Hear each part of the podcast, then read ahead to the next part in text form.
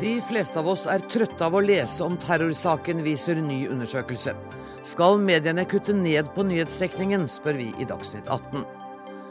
Velkommen til bords, sa landbruksministeren, og deler av opposisjonen lot seg litt nølende invitere da Stortinget vedtok landbruksmeldingen i dag. Drama i kinesisk toppolitikk. Stjernepolitiker fjernet fra alle politiske verv. Kona hans tiltalt for drap på engelsk forretningsmann.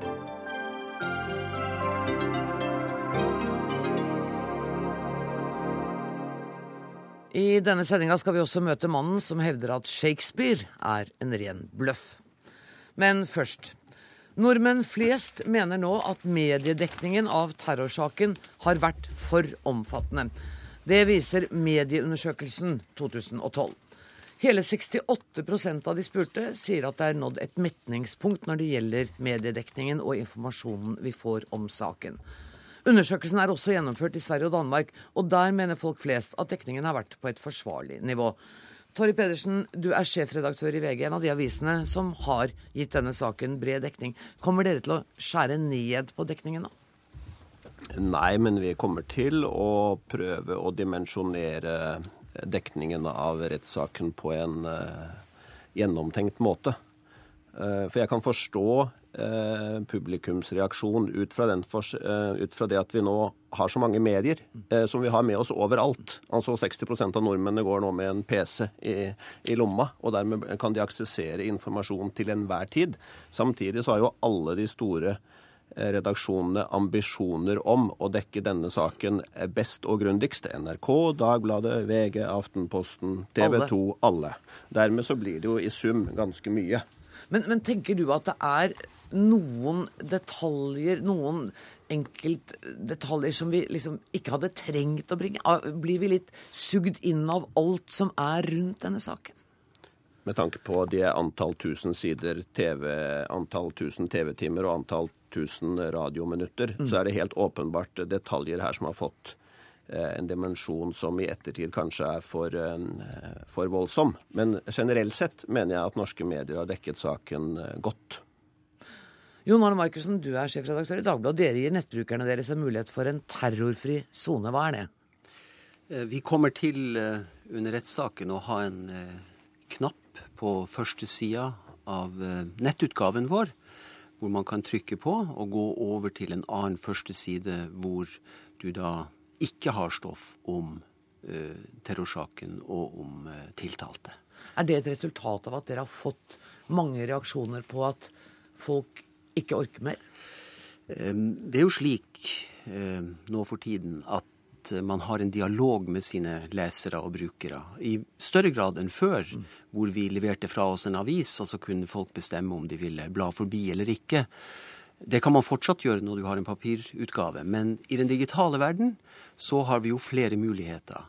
Og vi har registrert at det er en viss eh, tretthet. Dette er også en eh, sak av en sånn karakter at eh, den rører ved veldig mange. Og eh, vi har da valgt å gjøre dette eh, også for å lære, lære av det.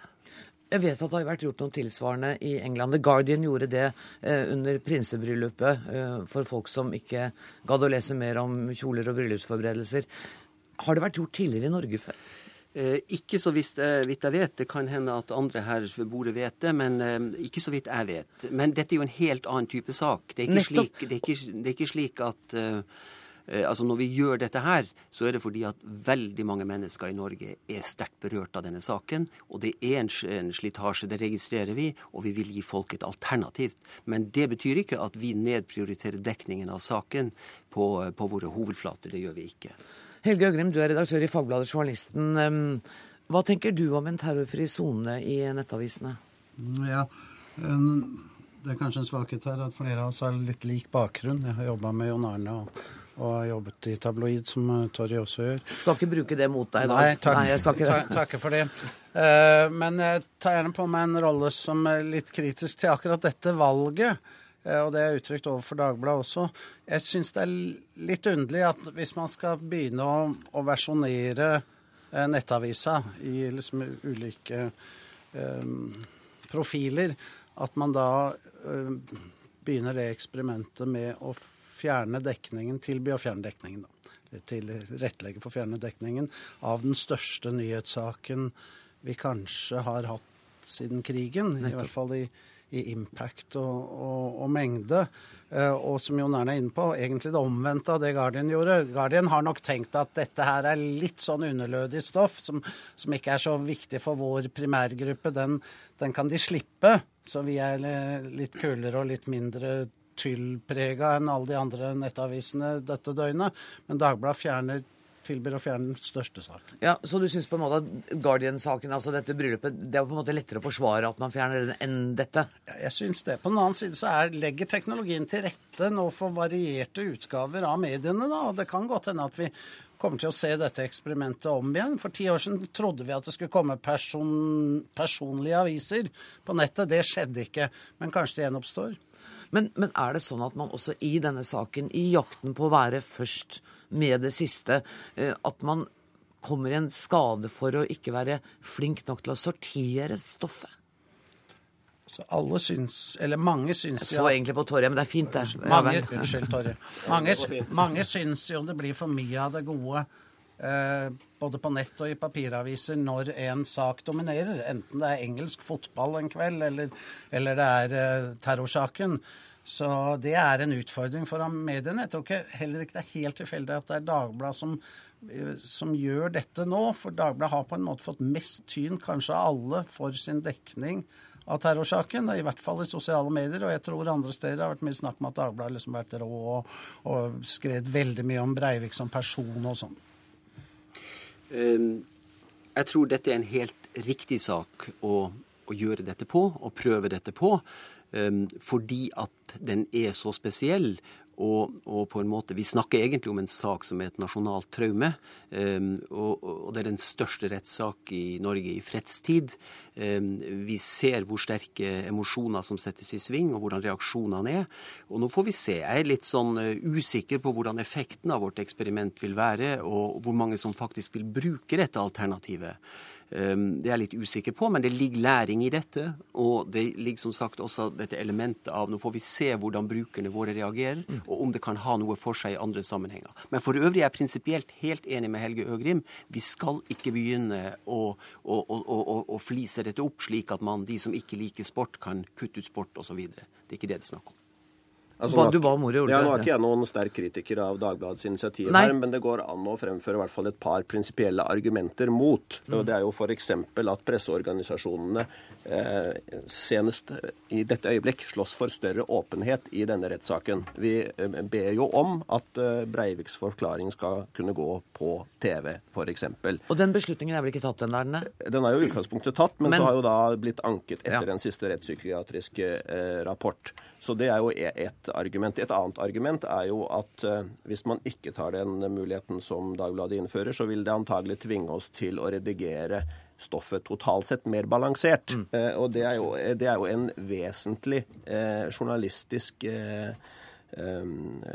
fagkompetanse å gjøre også det. Men jeg, i utgangspunktet så er jo det den muligheten å flytte flytte makt til brukeren, har jeg eh, i utgangspunktet sans for. Men jeg tror kanskje at vi kunne gjort det på OL heller enn på det viktigste rettsoppgjøret etter eh, krigen. Karl Erik Hard, du er billedkunstner, men du er her først og fremst som avisleser og radiolytter. Hva syns du om pressedekningen så langt? Jeg har jo nå kommet inn i løvens hule, det forstår jeg jo, fordi alle disse her er jo mediefolk. og jeg er, står jo og maler bilder om dagen, og en fredelig syssel. Og da har jeg den på radio, og høre radio er veldig fint. Men fra, fra, klokka syv om morgenen og hele dagen så er det denne Breivik-saken, og i avisene er det nesten ikke noe annet å lese. Jeg er eh, lei. Og i likhet med de som har uttalt seg i Aftenposten i dag, så er jeg faktisk møkk lei av det her. Eh, jeg tror at eh, det er, to, det er en, en tanke som slo meg, som er ganske malerisk. Det er at etter at Breivik detonerte en bombe 22.07, så er det detonert en annen bombe, nemlig en mediebombe, som har spredt seg utover landet som en sånn tåke de siste to, eh, nesten, nesten år. Der vi til slutt sitter inne i en sånn skodde av denne saken, som egentlig ikke er eh, jeg syns ikke det er noe viktig sak i det hele tatt. Fordi vi vet at han har gjort det, vi vet hva han har gjort, vi vet utfallet av det hele. Så jeg lurer på, når jeg står der og maler, hva skal det være til? Og det ender med selvfølgelig at jeg slår av. Og det er jo den største knappen du kan gjøre, bare skru av. Så kan du jo heller sette på en plate av Halvdan Sivertsen, og så har du det bra. Ikke for at jeg liksom prøver å stenge verden ute, men nå har det vært så mye at uh, Behren Breivik må jo være himmerik, for uh, hele Norge er jo et, et, mikrofonstativ foran. Han får jo gjennomslag for alt han vil. Her peker det, jo Harp sånn på et paradoks at uh, Behring Breivik med det som vi har hørt nå er hans narsissistiske tendenser, får det nøyaktig som han vil. Ja, men man, nå må man ikke nå må man ikke glemme av hvilket oppdrag vi har. Eh, vi, er, vi, driver med det vi gjør på vegne av offentligheten, på vegne av allmennheten. Og jeg må jo si det at hvis man tar det bryderi det er, og tenker gjennom hva media har brakt fram underveis i Breivik-saken. Ehm, ikke minst spørsmålet om tilregnelighet ikke.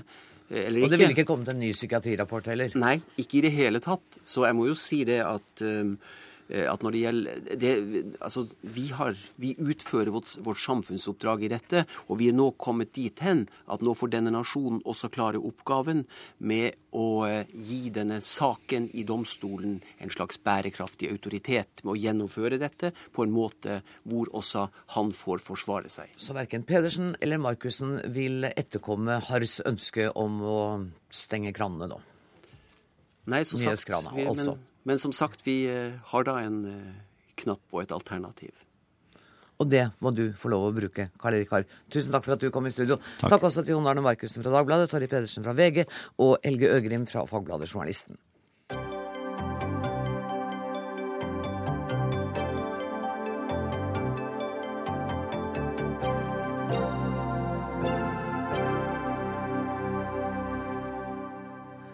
Etter eh, nokså høylytt opprør i eget parti møtte landbruksministeren i Stortinget for å få vedtatt de overordnede målene for landbrukspolitikken det neste tiåret.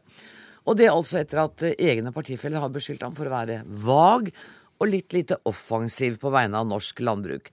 Hjertelig velkommen, eh, landbruksminister Lars Peder Brekk. Kan ikke du først orientere meg fort om hva det viktigste er dere har oppnådd på Stortinget i dag? Nei, Vi har fått tilslutning til en ny landbruks- og matmelding. Det er ca. ti år mellom hver gang en slik melding vedtas. Og, og, og, det er en stor og viktig sak i, for norsk matproduksjon. Vi har fått uh, tilslutning til at vi skal ha ambisiøse mål for å øke produksjon, for å ta vare på ressursgrunnlaget, for å gjøre det mulig å produsere mat i hele landet. Så vi er veldig fornøyd. Vi har fått til veldig mye. og vi har uh, har skaffa et grunnlag for å jobbe videre med å legge til rette for en matproduksjon som, som, vi, som har, har, en eh, distribusjon i hele landet. Var det noen overraskende uenighet eh, fra salen?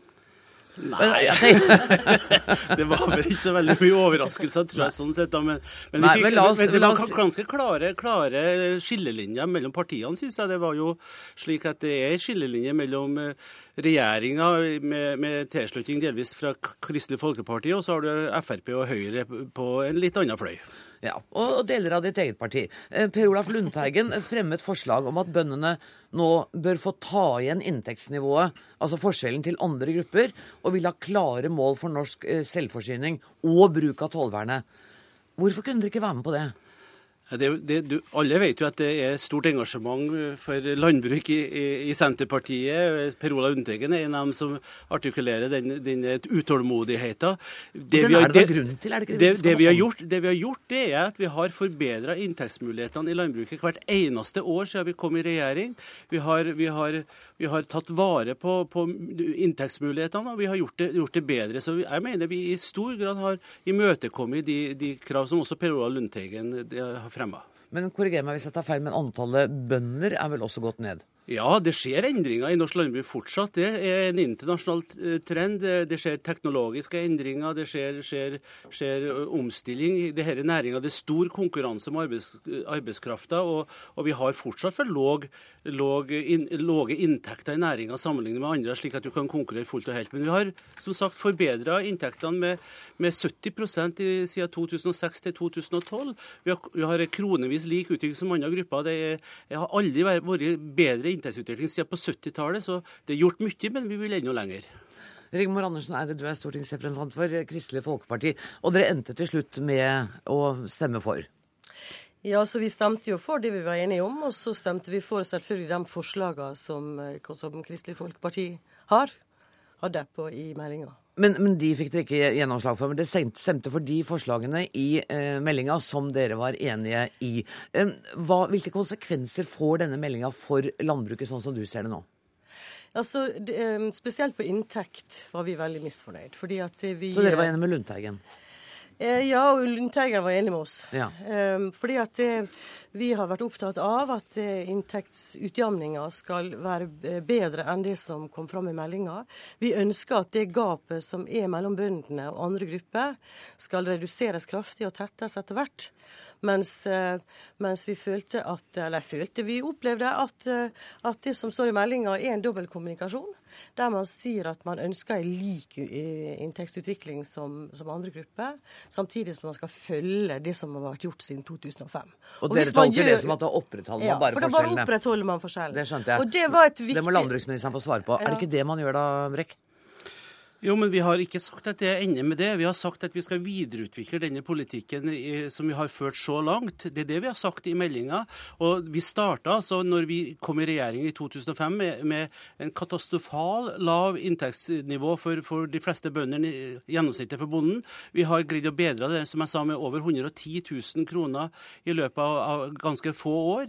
Og det er klart at vi har ambisjon om å komme enda lenger i det, men det er ikke gjort på én dag. Og det er det som også KrF og flere bør innse at, at, det tar lang tid å snu et tankskip som har vært på feil kurs, og det jobben er vi full gang med. Og du maner til tålmodighet når det gjelder det der. Svein Flåtten, du er stortingsrepresentant for Høyre. Eh, du deler vel kanskje statsrådens syn på at litt tålmodighet hadde vært å ønske her, eller? Ja, Tålmodighet er alltid eh, bra, men eh, jeg tror at statsråden først må se på de seks-syv årene de selv har sittet i regjering, og hva de har gjort på den tiden, istedenfor å skylde på regjeringer som har vært tidligere. Men han sier jo at inntektsutviklingen har vært bedre, påtagelig bedre i de årene de har sittet. Er det ikke riktig? Jo, men, eh, men, jeg har heller ikke kritisert ham for eh, inntektsutviklingen. Det vi har kritisert uh, meldingen for, det er at den er vag. Det samme som Lundteigen sier, det samme som veldig mange andre sier, Riksrevisjonen osv. For mange målsettinger, for lite konkrete virkemidler. Hvor ville du vært tydeligere enn? Ja, Jeg ville vært tydeligere i hvordan vi strukturerte f.eks. budsjettstøtten. Hvordan vi så på reguleringene som landbruket lever under. Kan Enda vi... mer konkret for meg nå. Ja, f.eks. dereguleringer innenfor eh, eiendom, sånn at man kan drive mer effektivt på gårdene. Og for å være enda mer spesifikk, vi bruker ganske mange titalls milliarder over statsbudsjettet. Bruker vi de riktig? Er det effektivt nok? Kunne vi sett på hvordan disse pengene ble kanalisert for å få mest mulig produksjon og mest mulig lønnsom? Mer konkret enn det går det faktisk ikke an å være, og det er mye mer konkret enn det Brekk er i sin melding det, det, jeg, jeg synes at en skal se på hva vi har gjort. Vi har altså økt inntektene vesentlig, langt ja, det over det, ja. det som er gjort tidligere år. Det har ikke kommet noe slags forslag fra Høyre som har gitt mulighet for å øke inntektene mer. Det har heller kommet forslag om å ta det ned. Høyre foreslo et kutt på nesten 2 milliarder kroner i, i årets budsjett på, på, landbrukssektoren. Det ville klart at det ville vært svært vanskelig å takle for mange, og det ville ført til enda større avgang fra næringa enn det det har vært så langt. Frp, som Høyre samarbeider med, foreslo kutt på 7 milliarder kroner. Så hvis vi snakker inntektsutvikling, inntektsmuligheter, så har vi snudd verden i, fra 2005 til 2012 2012, og vi ønsker å gå videre. Og så ser vi jo at det er mange som er utålmodige, KrF og, og, og flere i vårt eget parti. Vi ønsker å jobbe videre for å imøtekomme det. Når det gjelder eiendomspolitikken, så, så har jo vi foreslått det samme som Høyre her har foreslått, så de har ingenting å komme med på det området heller. Ok, men Da må Andersen Eide få lov å få ordet. Ja, Han snakker veldig mye om denne inntektsutviklinga og hvor viktig den har, vært, den har vært siden 2005. Og Da vil jeg bare minne om at, det, at denne regjeringa her har 50% større andel Altså budsjettet har steget med 50% fra 2005 til 2012. Og, og da og skulle blott mangle om ikke bøndene skulle få en del ut av det, den velstandsøkninga som resten av, av, landet også har fått. Da må jeg bedre ta på dere hodetelefonene, for vi skal snakke med Cato Nyquist, som er politisk redaktør i Nasjonen. Eh, Cato Nyquist, du sitter i Namsos. Du fulgte dagens debatt i Stortinget. Hva er verdt å merke seg fra den, ut fra det stedet du sitter? Ja, det eh, først og fremst legger merke til, det er jo at skillelinjene i, i landbrukspolitikken har blitt tydeligere. De foregående landbruksmeldingene, som da har utgjort det langsiktige fundamentet for den løpende landbrukspolitikken, har hatt et bredere politisk grunnlag enn denne meldinga. Hva skyldes det? Nei, det er, jo at, det er jo at eh, regjeringspartiene ikke har lyktes med å få med seg andre på, på meldinga si. Eh, vi hører at KrF støtter hovedlinjene i, i eh, meldinga. Mm. Men de klarte altså ikke å komme til et forpliktende forlik med KrF. Det kan ikke skyldes at Høyre også har endra syn? da? Jo, Høyre har også bevega seg, sånn som jeg opplever det. Høyre er tydeligere på at de ønsker en Eh, mer effektiv eh, produksjonsretta landbrukspolitikk. De har eh, løsna altså De har løsrevet landbrukspolitikken fra, fra bosettingsmål. Det, det, vil si at de går for et type landbruk som, som, som vil mer, bli mer sentralisert. Mm. Men hva er opprøret i Senterpartiet et uttrykk for? Landbruksministeren sier at det er en utålmodighet som han opplever som positiv, men man må mane til tålmod her. Ja, eh, det, Senterpartiet er jo et eh, parti som er fullt av pragmatikere. Eh, resultatorienterte folk. Og I utgangspunktet så tror jeg nok at partiet var, var langt på vei klar for å, for å, stille seg bak denne landbruksmeldinga. også I Senterpartiet forstår man at, at forhandlinger i regjering er å gi og ta. Men i dette tilfellet her så, så gikk jo eh, eller det var et utbredt håp, håp, i Senterpartiet om at KrF eh, kunne bidra til å styrke eh, landbruksmeldinga og konkretisere den. Når det da viste seg at regjeringa ikke var villig til å bevege seg i retning av KrF, så, så tror jeg rett og slett at begeret fløyt over for mange. Og, og da fikk man det her opprøret i påska. Svein Flåtten, eh, hvis vi ser bort fra det vi snakket om i stad, med eh, effektivisering av midlene og eiendomsbruken, eh, hvordan ville du at land, norsk landbruk skulle sett annerledes ut? Det Er riktig som vi hører fra Nyquist her, at det ville vært mye mer sentralisert? Nei, Ikke nødvendigvis, men Nyquist er den første i dag som har sagt at Høyre har vært tydelig i landbrukspolitikken. Det vi har hørt nede i... Var da du smilte til meg, jeg så ja, det. Ja, riktig, jeg gjorde det. Det vi hørte nede i Stortinget hele dagen, var at vi var utydelige, men det var noe regjeringspartiene sier fordi at ikke vi var enig med de. Jeg tror ikke at det automatisk blir noe mye sentralisering ut av vår politikk. Det vi har sagt veldig mange steder, er at vi vil innrette bruken av budsjettmidler slik at det kan bli lønnsomt landbruk for både stor produksjon, mindre produksjon, på flest mulig steder i landet. Så får vi se hvordan vi kan innrette det. Men det å drepe dette med å rope sentralisering, det tror jeg er helt feil. Vi har aktive bønder som er i stand til å få lønnsomhet veldig mange steder. Det siste der tror jeg dere alle tre er enige. Jeg må sette strek for denne debatten her. Tusen takk for at dere kom i studio. Svein Flåtten fra Høyre, Rigmor Andersen Eide fra Kristelig Folkeparti, statsråd Lars Peder Brekk og Cato Nyquist, politisk redaktør i Nasjonen.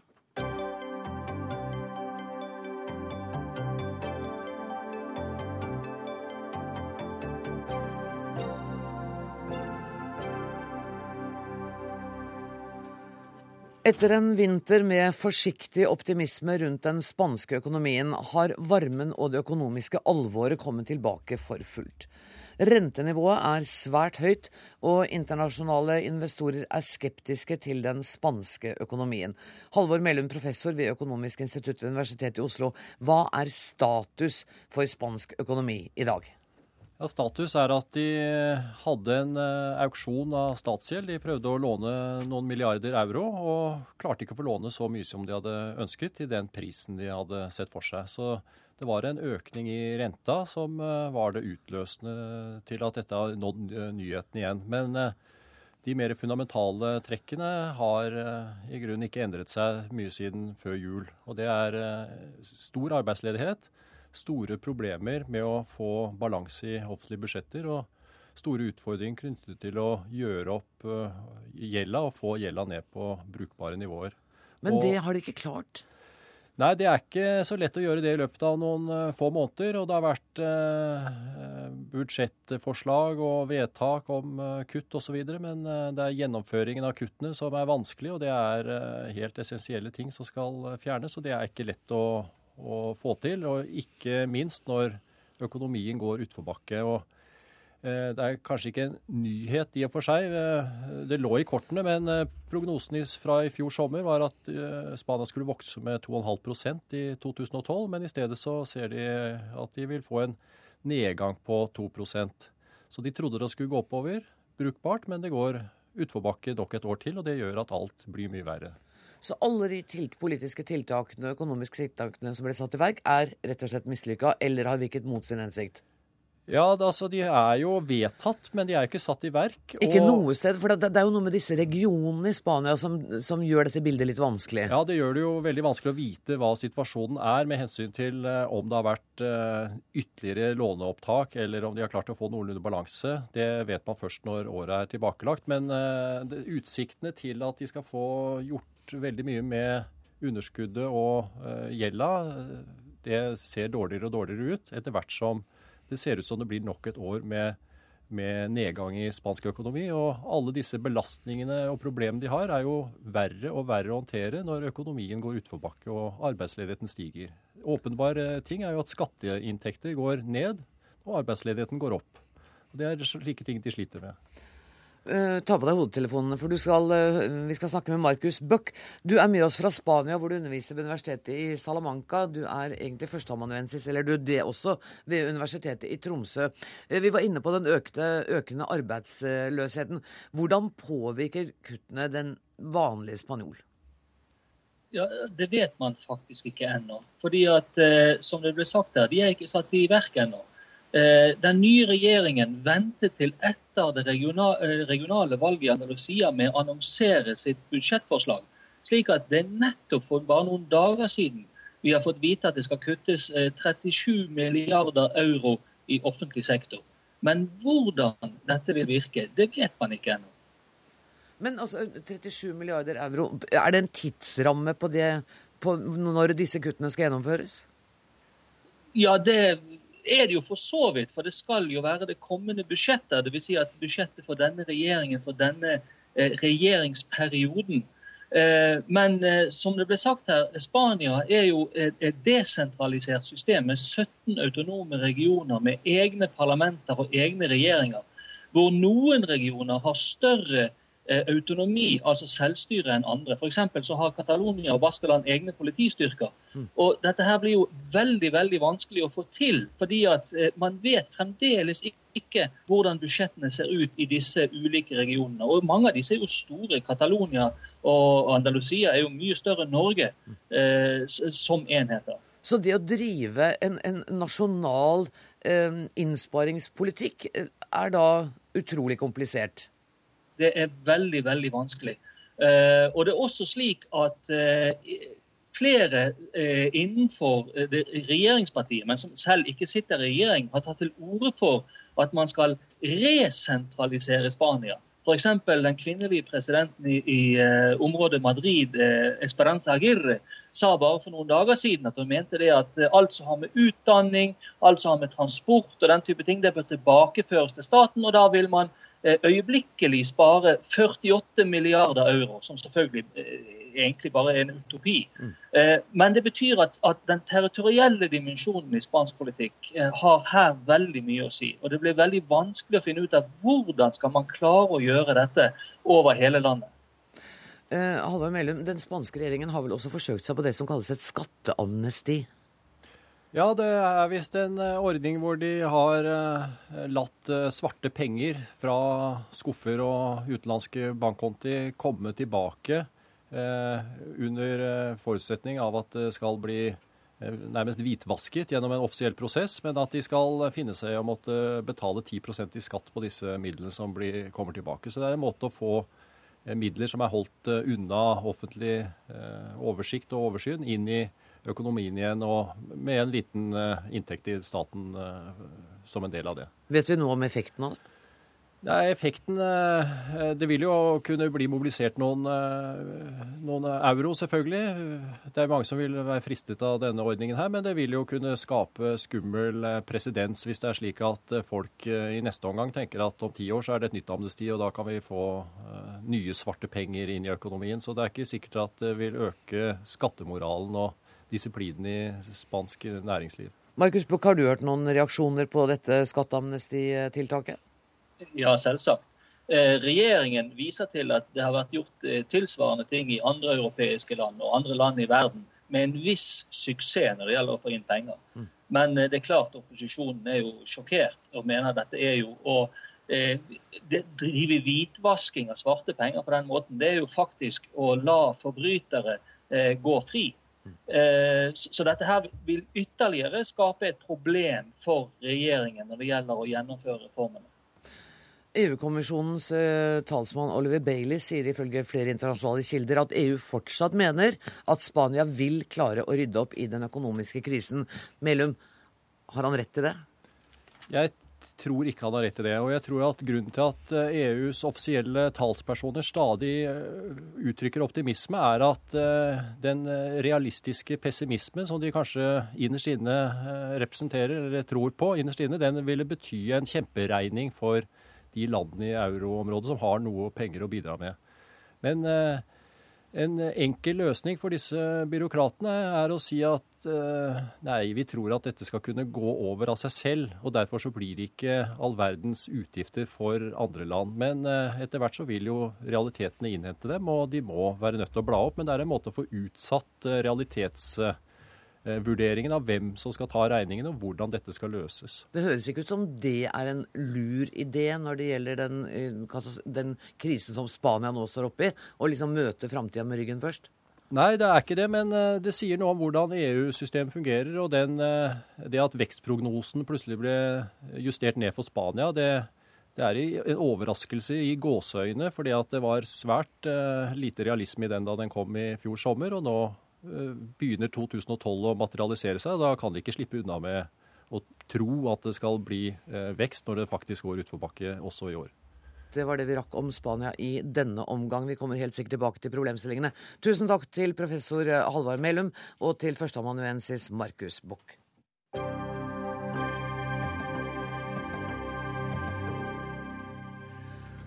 Nå skal vi til historien om hun, som er en dyktig advokat, en karismatisk skikkelse med et mektig nettverk.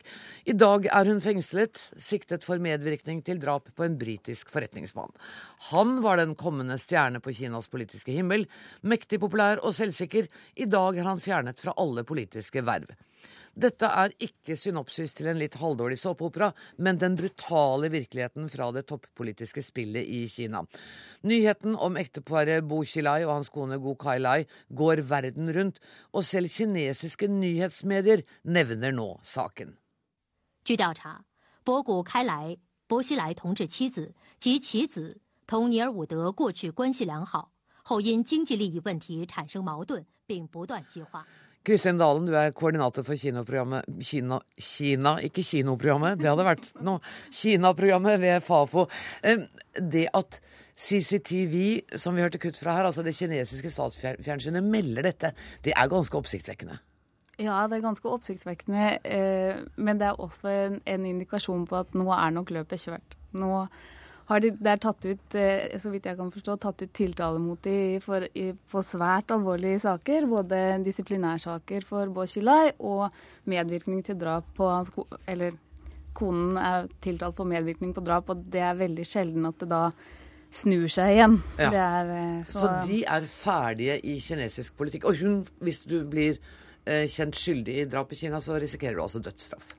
Ja, de er ferdig i kinesisk politikk, og man risikerer dødsstraff. Og i dette tilfellet så er det jo litt skjerpede omstendigheter. For det er drap, men det er også drap på en utlending med enorme store politiske konsekvenser for partiet og forholdene innad i partiet. Så dette det ser dårlig ut. Jeg har lest litt forskjellig om den uh, mannen som hun eh, skal ha vært med mm. eller, å, å, drepe. Altså, et sted sto det at han var en forretningsmann, et annet sted at han var en tidligere spion. Et sted sto det at han døde av overdreven bruk av alkohol, altså rett og slett grøftefyll. Uh, og et annet sted at han var forgiftet. Altså, kan du fortelle meg sannheten? Nei. Men det, jo, det, det, passer veldig godt inn i en film, dette her. Han er en Hayward, heter han. Han er en mystisk person, britisk statsborger som har bodd i Kina i lang tid.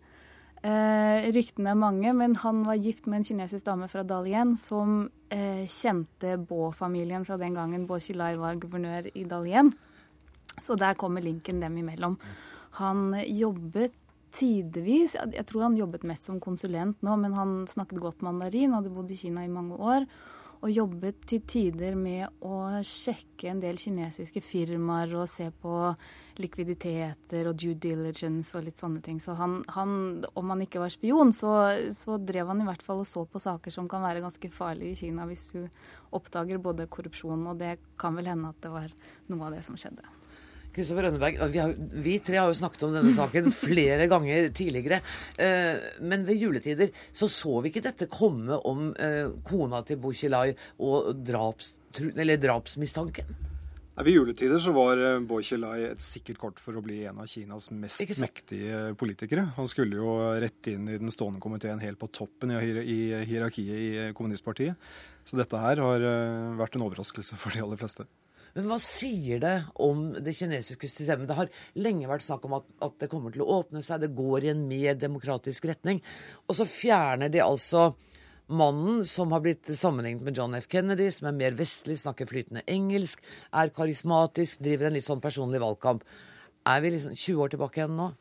Ja, dette er en god, gammeldags uh, politisk uh, purge. Uh, at man har funnet ut at man har en problematisk person i, i, partiet, og så har man fjernet ham.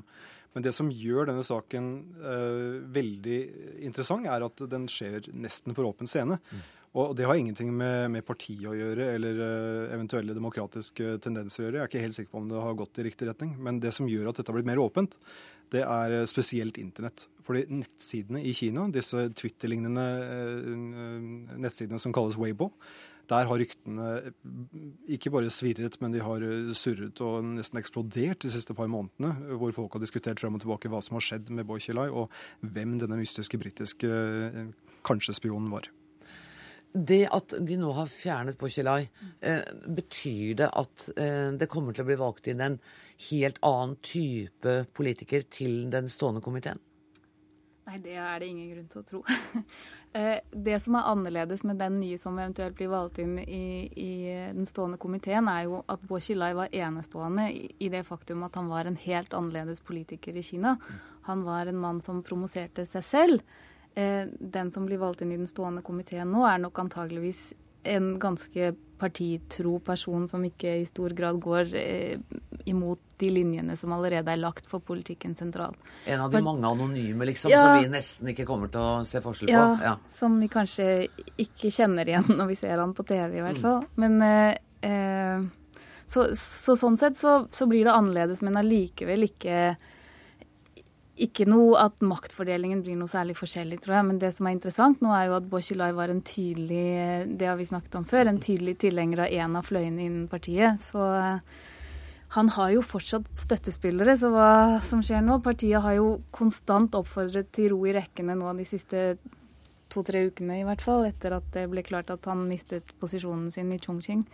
Så eh, det blir spennende å følge med. Jeg tror ikke det er slutt helt enda. Du tror ikke det er helt slutt ennå, Kristoffer? Nei, altså det er, det er, klart at her eh, er det, det Det, tok fire uker fra Boicher ble fjernet som partisjef i Chongqing, til han ble fjernet fra de sentrale partivervene, det som skjedde på tirsdag. I løpet av de fire ukene så har nok eh, de øverst i partiet snakket hardt og lenge sammen og kanskje komme til en konklusjon, men det finnes jo massevis av folk nedover i systemet som har hatt tillit til og som har støttet Bå for de prosjektene han har hatt. Og det er klart at uh, Enten så, så, har de blitt fortalt at de skal holde kjeft.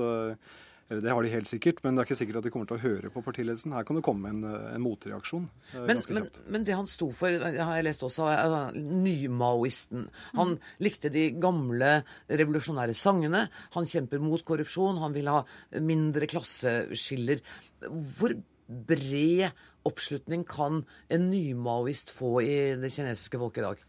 Jeg tror Bo Xilai kunne fått ganske stor, i hvert fall. Eh, nå er det interessant med Bo Xilai at han velger seg sine saker. da. Han er en nymaoist i noen tilfeller. Og så har han jo åpnet for økt investering og, og kapitali Han velger sakene sine veldig, så det er vanskelig å sette han i, i én bås. Men han blir jo veldig populær blant mange i de lavere klasser, for han har jo vært veldig uttalt på at han skal utjevne forskjellene i Kina. Og akkurat det med store forskjeller i Kina er jo et av de aller største problemene de strir med nå framover. Kristin Allen, det du sa i stad var at denne historien er ikke helt slutt. Eh, Jeg har nesten lyst til å vedde på hvor lang tid det tar før jeg ringer og ber dere komme tilbake. Det skal jeg ikke gjøre. Tusen takk, Kristoffer Rønneberg og Kristin Dalen.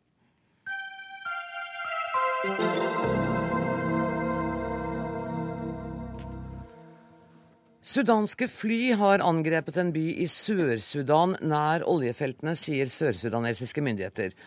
Det norske, det, norske utenriksdepartementet har sendt ut en pressemelding om at, de er bekymret over alvorlige militære sammenstøt mellom de to landene. Eh, og Vi skal eh, snaks, straks snakke med utenriksminister Jonas Gahr Støre, som nå kom i studio. Men aller først for å få litt bakgrunn. Kollega Tom Christiansen, du er utenriksmedarbeider her i NRK og kjenner Sudan svært godt. Hva vet du om situasjonen nå? Akkurat eh, det som har skjedd de siste dagene, er at nord har bombet i sør, fordi sør har gått inn i nord i et oljefelt som tilhører nord. De har lite olje igjen etter at landet ble delt, og derfor er det kritisk. Og så er det mange andre historier hvor man har eh, bombet av forskjellige grunner. Man har altså en lang historie av hevn og, og revansj. Det siste som er kommet akkurat nå, er at Sørs eh, president Salva Kiir har sagt vi kan trekke troppene ut av eh, det området som vi gikk inn i, hvis nord fjerner sine folk fra et annet område, Abyei, som vi har hørt om tidligere, hvor det har vært eh, konflikter. Og dermed så står man jo i en litt vanskelig situasjon, fordi begge disse områdene er det eh, strid om grensene. Så man har på en måte begynt i feil, feil hjørne. Men nå har det vært mye skyting, eh, og ikke bare bombing. Fordi det jeg har hørt i dag, er at eh, det er mye skuddskader. Det er mange som er blitt, eh, blitt, blitt ramma, og det er vanskelige forhold akkurat i de områdene hvor dette har foregått. Borgerkrigen i Sudan endte altså med to stater. Står vi nå foran det som kan utvikle seg til en krig mellom to stater? Nei, det blir det ikke, for nå Nei. kommer snart regntida, og da kommer det ikke fram noen steder. Og dessuten har ingen av dem råd til det. Det jeg tror foregår nå, er at de, de på en måte posisjonerer seg for forhandlinger. Nå har Salva Kiir kommet med et opplegg til forhandlinger, og så må Nord svare på det. Og så utgir de store erklæringer om våre brødre som nå dessverre har valgt å gripe til våpen. Dette er ikke vår vei, men angriper vi, så må vi selvfølgelig svare. Og eh, jeg jobbet jo for denne presidenten i sør, og jeg er jo veldig forskrekka over å høre krigsretorikken. For mine råd til han den gang var akkurat det motsatte. Men dette er jo militære folk hele veien gjennom. Gjennom regjeringen og ut i administrasjonen. Og så griper man altså til noen eh, primitive grep som er militære, og de kunne kanskje funnet noe som var bedre. Har de også gitt uttrykk for skuffelse over manglende støtte fra Vesten, Ja. mener jeg har lest? Sør har jo støttet seg på USA og veldig mye på Norge, både som venner, rådgivere og etter hvert med, med penger. Og det som gikk igjen veldig ofte når det tetta seg til å bli vanskelig og farlig, det var hvor er disse vennene? Where are your friends from Norway? fikk jeg spørsmål av Salva Kiir om. Og jeg kunne ikke svare på det, jeg representerte ingen regjering. Men det var en slags forventning om at det ikke bare skulle komme med penger, men også politiske løsninger. Et press som gjorde at nord trakk seg tilbake, for det var mye ydmykelse fra nord. Og da følte de at eh, Norge ikke, ikke var der. De kom med pengene, men følte ikke at de hadde den kraften og viljen til å gjøre noe. Velkommen, utenriksminister Jonas Gahr Støre. I en pressemelding sier dere i dag at Norge er bekymret over det som skjer i Sør-Sudan. Um, Kan du beskrive den bekymringen? Jeg syns jo det Tom Kristiansen Christiansen har sagt her er bekymringsfullt, for at det er våpen som taler igjen i Sudan. Og jeg håper han har rett at det ikke er på vei mot en stor krig. Det var ikke slik at man gikk fra krig til deling. Man hadde år med våpenstillstand og et forsøk på samarbeid. Og Norge har aktivt jobbet for å støtte opp om det. At eh, når det så ikke ble én stat, så ble det to. Eh, Og det i seg selv var jo en første suksess på en måte. Men det at nå våpnene taler, i denne Heglig-provinsen, der var jeg for en tid tilbake siden, på disse oljeinstallasjonene, så det. Eh, dette er flate, store strekninger hvor de altså nå opererer med bomber fra stor høyde og skuddvekslinger, som Tom Christiansen sier. Så det er veldig alvorlig, særlig fordi at selv om ikke det blir en omfattende krig pga. regntid, så gjør det jo politikk så mye vanskeligere. Fordi det blir dype spenninger, og det blir opplevelse av at man er blitt forrådt på den ene og andre siden. Og det kan jeg si til det siste, da. Hvor er Norge? Norge er der til de grader. Vi er der som regjering, vi er der med mange frivillige organisasjoner, Norsk Folkehjelp og med stor økonomisk støtte. Men vi må også formidle det budskapet at nå er Sør-Sudan en stat. Og nå må de også forholde seg til spilleregler som stat. De er en stat i Afrika. Afrika må være i førersetet for å løse problemer i Afrika, og det forsøker Norge å støtte opp under. Men er dette nå først og fremst en konflikt om ressurser og tilgangen til ressurser? jeg vet ikke om man skal si først og fremst, men veldig viktig. Mm. Det er mange ting som står i kø. Poenget er at da de delte og fikk to land, så var det mange spørsmål som ikke var løst. Ideelt sett skulle de vært gjort ferdig, slik at du fikk liksom alt på plass. Så man laget to stater i en ikke stabil situasjon. Men så er jo ressurser kolossalt viktig, fordi mesteparten av oljeressursene ligger i sør. Og både nord og sør er avhengig av de inntektene. Og det har jo vi visst i mange år kommer til å bli det aller vanskeligste. Derfor har Norge satt inn innsatsen der, fordi vi har en del kompetanse på oljeforvaltning, inntektsforvaltning.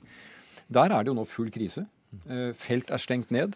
Rørledninger blir stengt. Og faren der er at det som er inni rørledningene, blir asfalt, og så går de i stykker.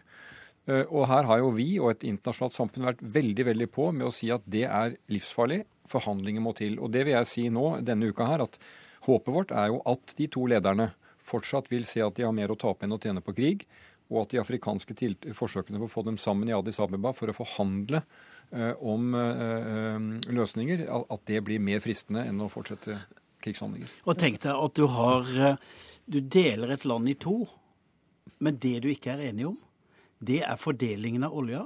Ja, Hvorfor ble vi ikke enige om det på forhånd? Og heller ikke hvor grensa går. Nei. Så hver meter du flytter den grensa, koster jo en milliard. Jeg, jeg, sa til eh, dem eh, litt før delingen så sa jeg det at eh, det som er fascinerende her, er at med den oljeressursen så har dere muligheten til å ødelegge for hverandre. Begge to sitter på en kapasitet og tar den andre ned. Men den omvendte siden av den mynten er jo at begge kan også tjene på det. Så gjør man dette på en fornuftig måte, og vi har lagt fram modeller som jeg mener er meget fornuftige, så kan man med noe tålmodighet få til en vinn-vinn-løsning. Men i en situasjon hvor det ikke er tillit, og hvor det er mange altså Lederne vi snakker om nå, det er én ting, men de har jo yttermiljøer rundt seg som trekker i mer ekstrem retning. Så blir det vanskelig å få til det som uansett må bli kompromiss. Og Derfor har det vært viktig for oss å si at Den afrikanske union, president Mbeki tidligere fra Sør-Afrika, det panelet han leder, de er best forutsetninger for å gå inn og bistå i det. USA, Norge og Storbritannia kan ikke som ikke-afrikanske land være den førende parten i den type forhandling. Og det er vel riktig, Tom Kristiansen. Den er vel en vurdering du støtter, at Den afrikanske union er de som bør spille første ja, rollen her? Ja, ja, det er de som må sitte i førersetet, og som må få gitt eh, den autoriteten som de må ha for å løse denne og andre konflikter i området. Men når du sier nå at, det går inn i en regntid, og da blir det krig, så tenker jeg men den regntiden må jo da benyttes eh, godt til diplomatisk arbeid, da, for at det ikke skal bli en krig når den er over? Ja, og jeg har tro på fellesskapet al-Bashir og Salwa Kiir. For de to har jeg sett uh, operere sammen, og de har et, en, en, en, hjertelighet som er forbausende, og en respekt for hverandre som er forbausende. Men Al-Bashir i nord har jo et rottereir rundt sitt kontor av folk med ulike agendaer, og som gjør det veldig vanskelig. Og han vet at skal han samle nord, da må han finne et som samler nord, og det er jo konflikt med sør. Mm. Større du Nei, Dette beskriver noe av kompleksiteten, og, og jeg tenker også det at vi som er eh, en venn av sør, det vet eh, alle vi må nå i en situasjon med to stater også kunne snakke med nord. Mm. Og det må sør forstå. Og Det er litt som det er i andre situasjoner, israelere og palestinere. Skal vi kunne bistå noe sted, så må vi ha tilgang begge steder. Og hvis ikke det er også en framtid for nord, så blir ikke de en aktør du kan ha med å gjøre. Og Derfor så er dette komplisert. Al-Bashir er krigsforbryter ettersøkt.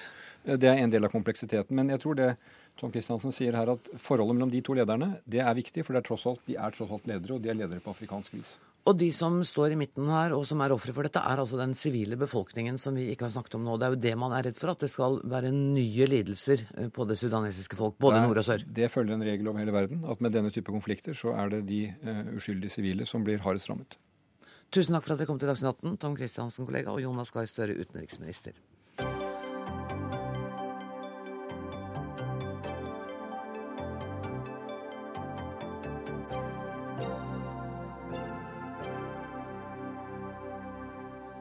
Inne i studio kom vaktsjefen med en melding som sikkert har interesse for alle fotballinteresserte. Ståle Solbakken har fått sparken som trener i den tyske fotballklubben Köln i dag. Det bekrefter styreleder Werner Wolff overfor lokalavisen Ekspress. Vi har naturligvis forsøkt å få tak i Solbakken, men NRK har bare fått en SMS som svar på henvendelsen, hvor Solbakken eh, sier at han er forbanna. Og dermed skal det dreie seg ikke om fotball, men om litteratur. For Shakespeare har slett ikke skrevet alle de verkene vi har tillagt ham. Påstanden er ikke nye, men nå er det en nordmann som mener at han har knekt koden til forfatterskapet. I en slags moderne skattejakt har du, Petter Amundsen, bitt deg ut i William Shakespeare fotspor. Og hva er det du har funnet? Ja, Det var et veldig stort spørsmål. Ja, du kan ta de små biter. Ja, um, Jeg vil jo si at dette er en gammel skattejakt, det er fordi at vi bruker antikvariske metoder. Og Noe av utfordringen min har jo vært å finne folk som kan hjelpe meg å verifisere det jeg har funnet. Og fordi det er så gammeldags, og fordi det er så lite moderne, så er det nesten helt umulig. Så jeg må stole på vettet mitt.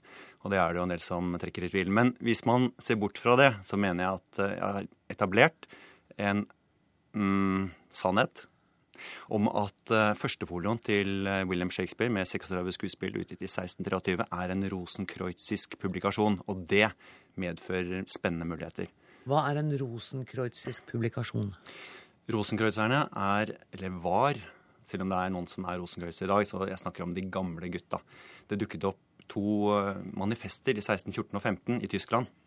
Og man vet ikke om de som utga dem, virkelig hadde en organisasjon eller ikke, men de kalte seg Rosenkreuzerne. Men det jeg har funnet indikasjoner på, er at frimurerne og rosenkreuzerne i gamle dager var ett av det samme frem til sånn når vi nærmer oss 1700-tallet. Så det er altså en urfrimureriet og en opplysningstanke, et utdannelsesprosjekt à la Pleiadene i Frankrike. Dette dreier seg om, så vidt jeg kan se. Jeg må spørre veldig enkelt. Hvorfor skulle rosenkreuzerne skrive den fantastiske litteraturen og så gi æra, all æra til en eneste mann som heter William Shakespeare? Og ikke komme på Dagsnytt 18 eller eksempel, Skavlan eller noe. Ikke sant? Ja. Hvorfor skulle de være så utrolig ydmyke? Det kan jo være fordi at de var ydmyke. Og så kan det også være fordi at de så seg tjent med det av forskjellige grunner, bl.a. sikkerhetsgrunner. Et skuespill som Rikard 2. f.eks. har en høyst problematisk sluttscene. Og hvis man bare nevnte skjebnen til Rikard 2., så hadde man trøbbel på Elisabeths tid. Det var folk som havnet i Tower. Så det kan tenkes seg sånne ting. Det er mange, mange grunner man kan tenke seg, men det blir jo ren spekulasjon. Mm. Jeg forholder meg til det som er helt konkret, og det er bokstaver på papir, og jeg leser dem med en litt annen metode enn den tradisjonelle. Men sånn som vi andre leser den. Men bare helt enkelt, altså, er Hamlet, Hamlet er den skrevet av Shakespeare? Jeg mener at Shakespeare er et tospann. Altså at, Jeg sier at det er Shakespeare, men hvem var Shakespeare? Ikke sant? Jeg er litt teknisk der. der sånn. Men den mannen som døde i 1616 i Stratford upon Avon, jeg tror han var en del av det, men jeg tror ikke han var på langt nær hovedskribent. Ingen Brete Hobbelstad, dette er vanskelig å forstå. Du er anmelder i Dagbladet, og du er litteraturviter, og du har skrevet om Shakespeare. Hva sier du til det Amundsen legger fram? Nei, altså For det første er jeg jo Shakespeare-entusiast, så jeg er jo glad for å få vite at det er flere av oss, at det er mange av oss.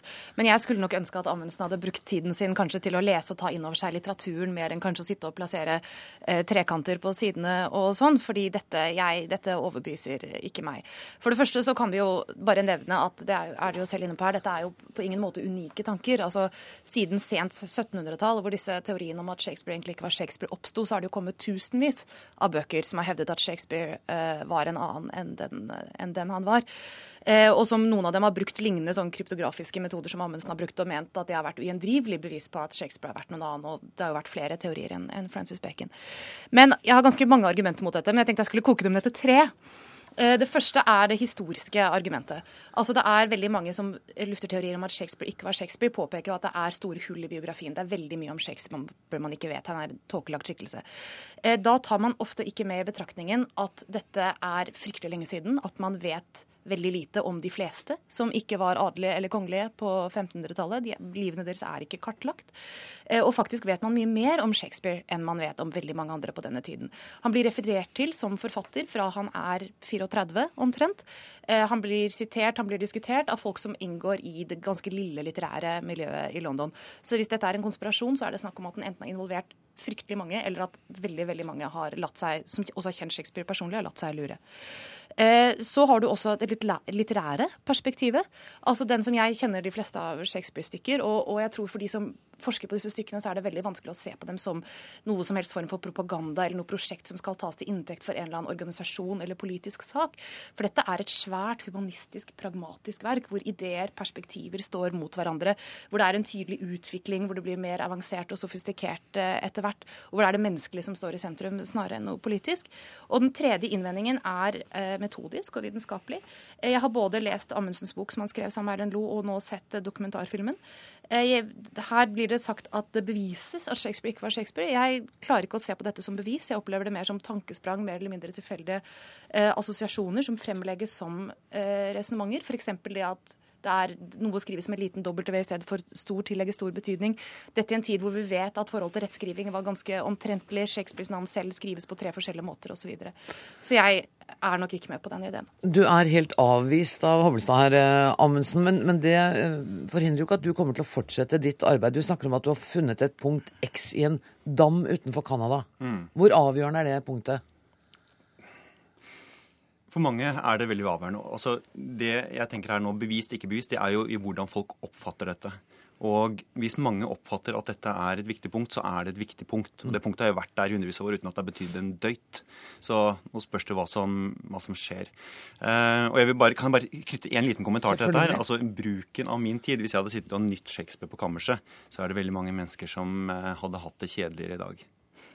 Ja, fordi at du, du får så mye oppmerksomhet rundt dette? Ikke at jeg, altså Det er, er, kan være litt slitsomt, ja. men det er mange som blir veldig glad og inspirert, og folk blir interessert i Shakespeare. Sånn at jeg tror at uh, om dette er mishandling av Shakespeare, så, så er det allikevel en slags Shakespeare-propaganda vi, vi, driver med. Uh, men uh, dette punktet er jo på en måte viktig. For noen vil si at alt står og faller med at det er noe på det punktet. Men jeg både tror og håper at det ikke blir undersøkt. Men jeg tror, fordi jeg eh, ikke sant? Her kommer jo galskapen inn. Eh, disse gutta som, som jeg påstår står bak her, altså, de er enige, de har ikke noen politisk agenda. Men de har en eh, arv å ivareta. Og jeg mener jo da at disse frimurer-slash-rosenkrøtzer-gutta at de brukte dette til å legge ned en hemmelighet. Og den hemmeligheten er hvor de gjorde av en del gjenstander som de har arvet av tidligere mystiske brødrekumpaner fra Hvorfor middelalderen. Hvorfor er det farlig om man finner ut det? Jeg tror ikke det er noe særlig bra for eh, det ja, religiøse, politiske klimaet i Midtøsten hvis det plutselig dukker opp gjenstander fra Herodes tempel som ble ødelagt i år 70. Og det er det jeg tror dette dreier seg om. Det tror ikke du òg, Det tror ikke jeg. Og for, det, for, meg blir jo dette å redusere verkene også veldig. altså en stor... Redusere, Unnskyld, dette er jo bare, unnskyld at jeg avbryter deg, men det er ja. tvert imot. Det er jo hvis du klarer å legge Nei, du, dette inn. Du sier jo på det som uh, at det er uh, at det er laget for å peke til et sted, at det opp, uh, befinner seg gjenstander der, osv. Altså At du prøver å, at du gjør dette til en politisk sak, til et dannelsesprosjekt fra Rosenkrøsernes side. Altså, Jeg tenker at det fine med disse tekstene er jo igjen som sagt det humanistiske, det menneskelige i det. Og det å på en måte gjøre det til en del av en politisk plan, gjøre, til en rebus som ligger der som skal overleves for oss, det er veldig søkt, og det, er ikke, det hjelper ikke med å utvide disse verkene, syns jeg. Men hvis han nå skulle ha rett, så er det jo en fantastisk stor verdensomspennende nyhet. Ja, og så er det en tilleggsdimensjon på dette. fordi det er akkurat som Bachs musikk. At uh, du har symbolikk som ligger der, og så er det musikk i tillegg. Mm. Og enn så lenge Det heter ikke enn så lenge, men inntil vi vet noe annet, så kan vi vel bare fortsette å nyte Shakespeare eh, som han fremstår i eh, f.eks. norsk oversettelse. Tusen takk for at dere kom, Petter Amundsen og Inger Merete Hobbelstad. Dermed nærmer seg slutten på nok en Dagsnytt 18-utgave. Ansvarlig for sendinga i dag har vært Jonas Haagensen. Det tekniske ansvaret har Karl Johan Rimstad. Jeg heter Anne Åsvold og er å finne på denne plassen om 23 timer. Takk for nå.